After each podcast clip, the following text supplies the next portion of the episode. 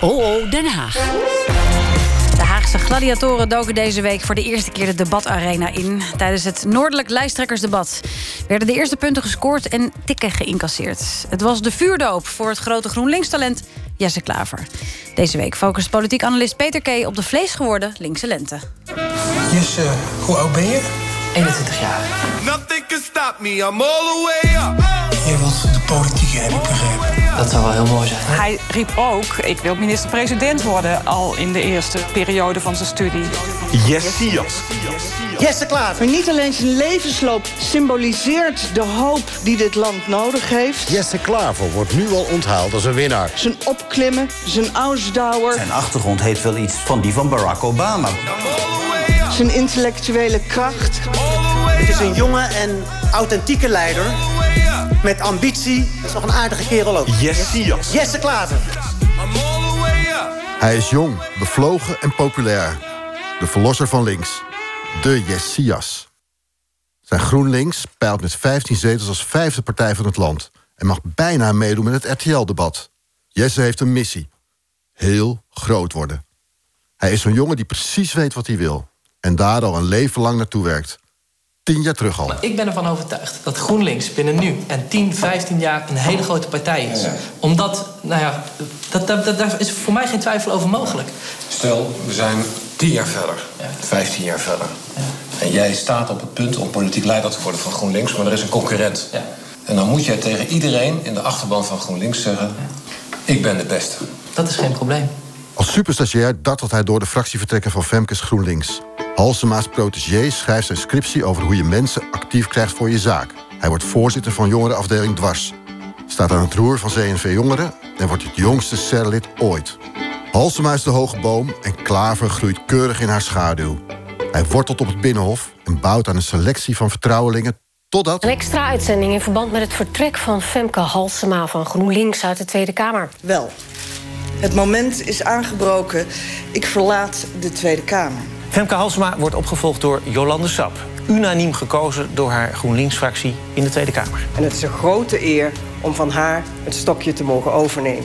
GroenLinks is vandaag in een diepe interne crisis gestort... door het toedoen van de partij zelf. Want de GroenLinks-kandidatencommissie probeerde de kandidatuur van Tovik Dibi te torpederen. Bij GroenLinks zijn ze eruit. Het waren onrustige weken voor de partij. Maar ze weten nu weer wie hun leider is. Het is Jolanda Sap. Want zij won de lijsttrekkersverkiezingen. Zonder sterke stuurvrouw aan het roer komt GroenLinks in zwaar weer. Na het geruzie zijn de verkiezingen van 2012 niet te winnen.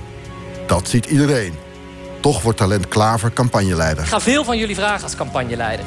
Ik ga vragen of jullie nog harder willen werken dan jullie normaal al doen. Ik wil dat jullie nog meer mensen aanspreken. Nog meer mensen op al die pleinen waar jullie staan, op Facebook en op Twitter. En dat jullie nog meer deuren langs gaan. En dan wil ik niet dat jullie met een of ander pathetisch verhaal over GroenLinks komen. Ik wil weten, voor wie ben jij politiek actief? Zijn campagne verloopt desastreus. GroenLinks gaat uit van een grote nederlaag.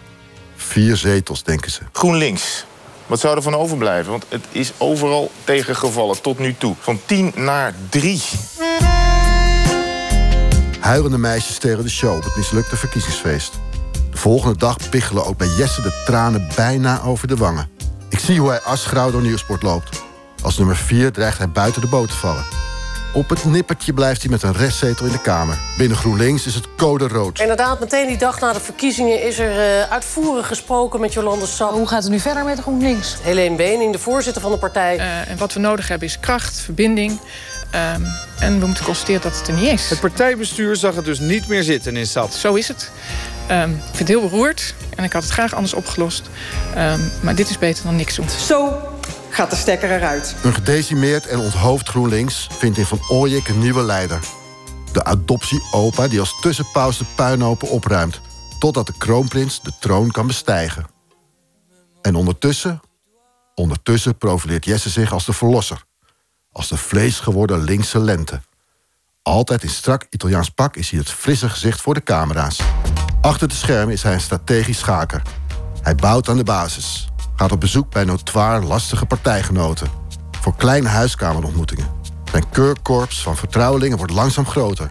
En via verbonden met machtige partijbonzen wordt hij de onbetwiste leider. GroenLinks heeft een nieuwe leider, Jesse Klaver. Tijdens het partijcongres vandaag in Amersfoort is Klaver benoemd tot lijsttrekker. Klaver die hield een bevlogen toespraak. Hij wil namelijk de grootste partij op links worden... met een onversneden progressief programma. Omdat het tijd is voor verandering. Klaver doet nu mee met de grote jongens. Bij de belangrijkste debatten staat hij zijn mannetje. Maar de Ruttes, Wilders en Samsommen van deze wereld... weten moeiteloos zijn Achilleshiel te vinden. D- Dit heeft u gemaakt, hè? dit tabelletje, met, om dat te bewijzen wat u nou zegt. En u gaat toch niet proberen medianen over jaren op te tellen... en andere goochelarij met cijfers? Mij drukt u niet. De genie zegt niks over het korte termijnbeleid van dit kabinet. De genie zegt iets over de lange termijn. nee. Klaver gaat tekeer als een keffertje... wanneer hij niet serieus genoeg genomen wordt. Dan wil hij stoer laten zien dat hij een echte politicus is. Alle saaie cijfers kent. Of hij heeft te veel bravoer... en probeert andere partijen te kakken te zetten. Precies als de PvdA zijn partijprogramma presenteert... steelt hij de show door op te roepen tot die linkse samenwerking. Samsom zet hem kinderlijk eenvoudig op zijn plek. Ja, Diederik Samsom, u wilt hetzelfde, lijkt het wel. Jesse Klaver nu. Ja, eh, ik wilde iets verder gaan. Eh, en die gesprekken eh, met Bram van Ooyek gingen ook die kant op. Eh, overigens wel in de wetenschap, want eh, Van Ooyek wist toen al... dat hij het stokje halverwege de rit zou overdragen aan een ander. Maar de gevestigde Haagse garde is zwaar pissig naar dit trucje van Klaver. Zo laag, vertelt een fractievoorzitter me, dat doe je niet. Je gunt ieder zijn moment, zo hoort het. Maar Jesse gaat onverstoorbaar verder. Als een ware popster trekt hij het land door. Hij krijgt muziektempels als de Melkweg, de Effenaar en de Oosterpoort ramvol. Op zijn verkiezingscongres komen 3000 man af. Jesse's GroenLinks is flashy en super strak gescript met heuse beeldregisseurs. Naast me hoor ik twee trouwe leden klagen dat ze wel klapvee lijken. Die klacht broeit binnen de hele partij. Maar zolang het zetels oplevert, doet niemand er echt moeilijk over. Over deze nieuwe stijl. Wat Nederland nodig heeft, en wat het Noorden ook nodig heeft... is ervoor zorgen dat we een heel helder economisch beleid voor Nederland hebben. En nu? Dat begint inderdaad... Tijdens het eerste lijsttrekkersdebat staat hij plots op de rem. Saai te wezen. Staatsman Jesse hangt boven de partijen. Ongetwijfeld op advies van geroutineerde secondanten... die aan elk detail denken. Maar is dat wel de beloofde verandering? Waar is toch de authentieke Jesse met lak aan die behoedzame spindokters... zoals hij bij zijn aantreden al beloofde? Mij is afgeraden om dit verhaal te vertellen vandaag. Adviseurs zeiden het zijn een beetje grote woorden. Ik denk dat je het beetje kan weglaten. Het zijn grote woorden. Maar voor minder wil ik het niet doen. Nothing can stop me, I'm all the way up. I'm all the way up. Hallo, ja, daar zijn we. Joe, dat was een eh, mooie, mooie reconstructie. Peter K., David van der Wilde. Ik praat erover verder met VVD-corrivé Ed Nijpels. Goedemiddag, meneer Nijpels. Goedemiddag, mevrouw Veenhoven. Hallo, u was in 1982 met uw 32 jaar de jongste lijsttrekker ooit in de Nederlandse geschiedenis. En u, u boekte toen een verkiezingswinst van 10 zetels. En nu is Jesse Klaver de jongste. Ehm, wat is uw indruk van Jesse Klaver, meneer Nijpels?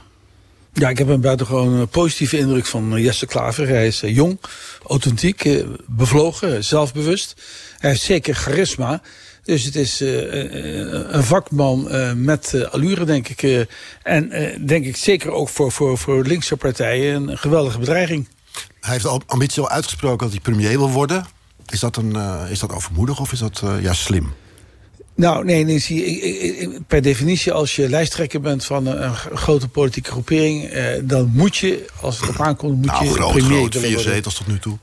Ja, vier, ja, maar oké, we kijken even naar de peilingen tot nu toe. En eh, dan, eh, ja, dat is geen geheim. Zal GroenLinks zal het ongetwijfeld goed gaan doen. En die komen ver boven die vier zetels uit. Maar Mm. je moet als lijsttrekker van een partij, eh, moet je altijd bereid zijn om ook het hoogste ambt in de politiek, om dat te aanvaarden als dat op je weg komt. Dus dat vind ik niet raar, eerlijk gezegd. Nee.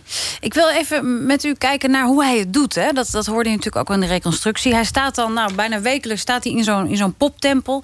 Duizenden jongeren komen daar naartoe met die Dan is hij echt een soort een ster, een idool. Ehm, dat zijn allemaal mensen die normaal geïnteresseerd... nou niet bijzonder geïnteresseerd zijn in de politiek. Dat moet u wel een beetje doen denken aan uw tijd. Want uw tijd, dan stond u ook in, in discotheken. En dan stonden meisjes in de rij voor handtekeningen, las ik. Ehm, kijkt u daar met genoegen op terug?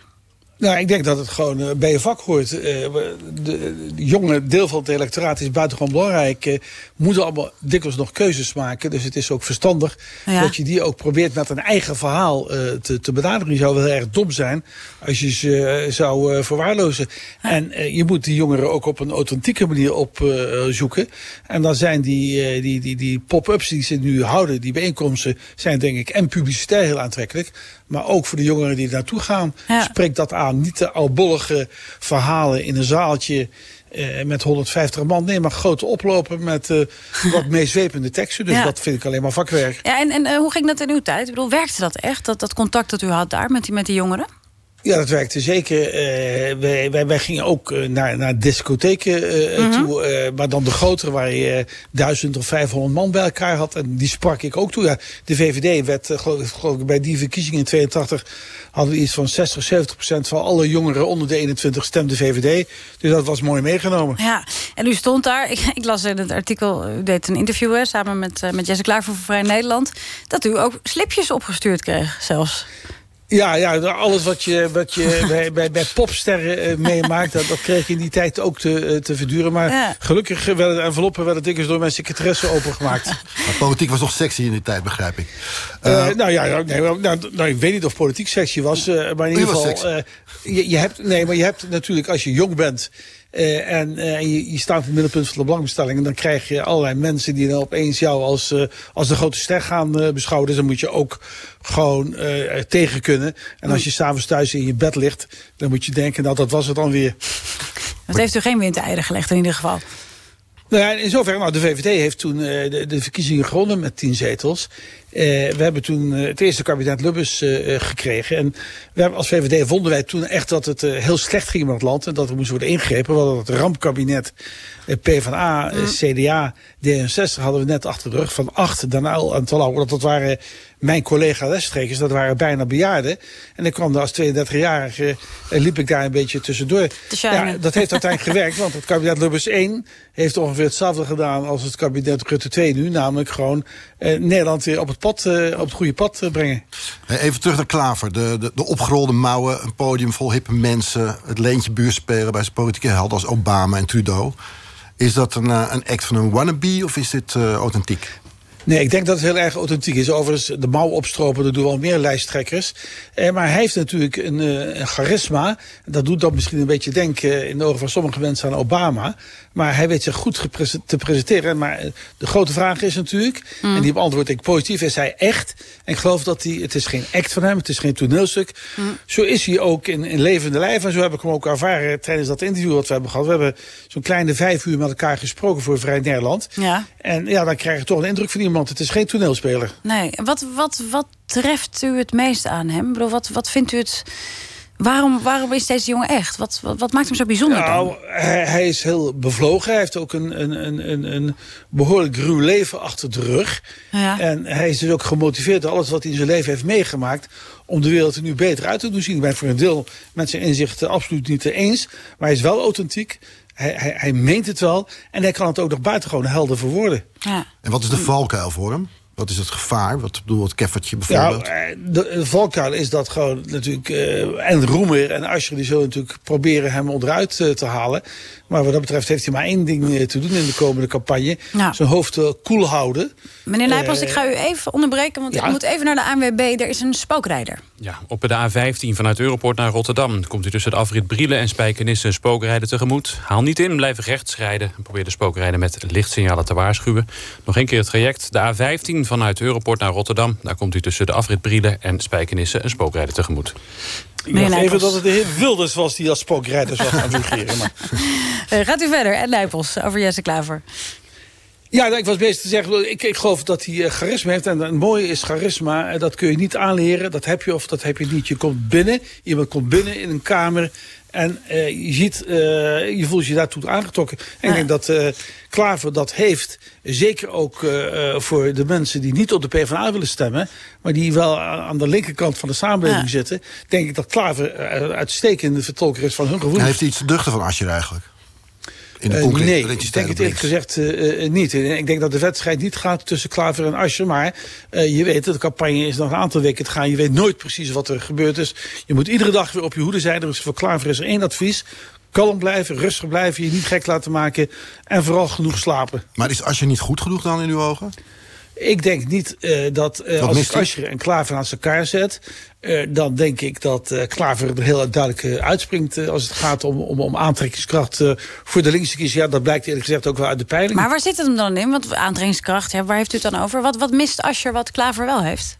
Ja, ik denk, een, een- een- een- ja, ik bedoel, ik ben geen psycholoog of psychoanalyticus.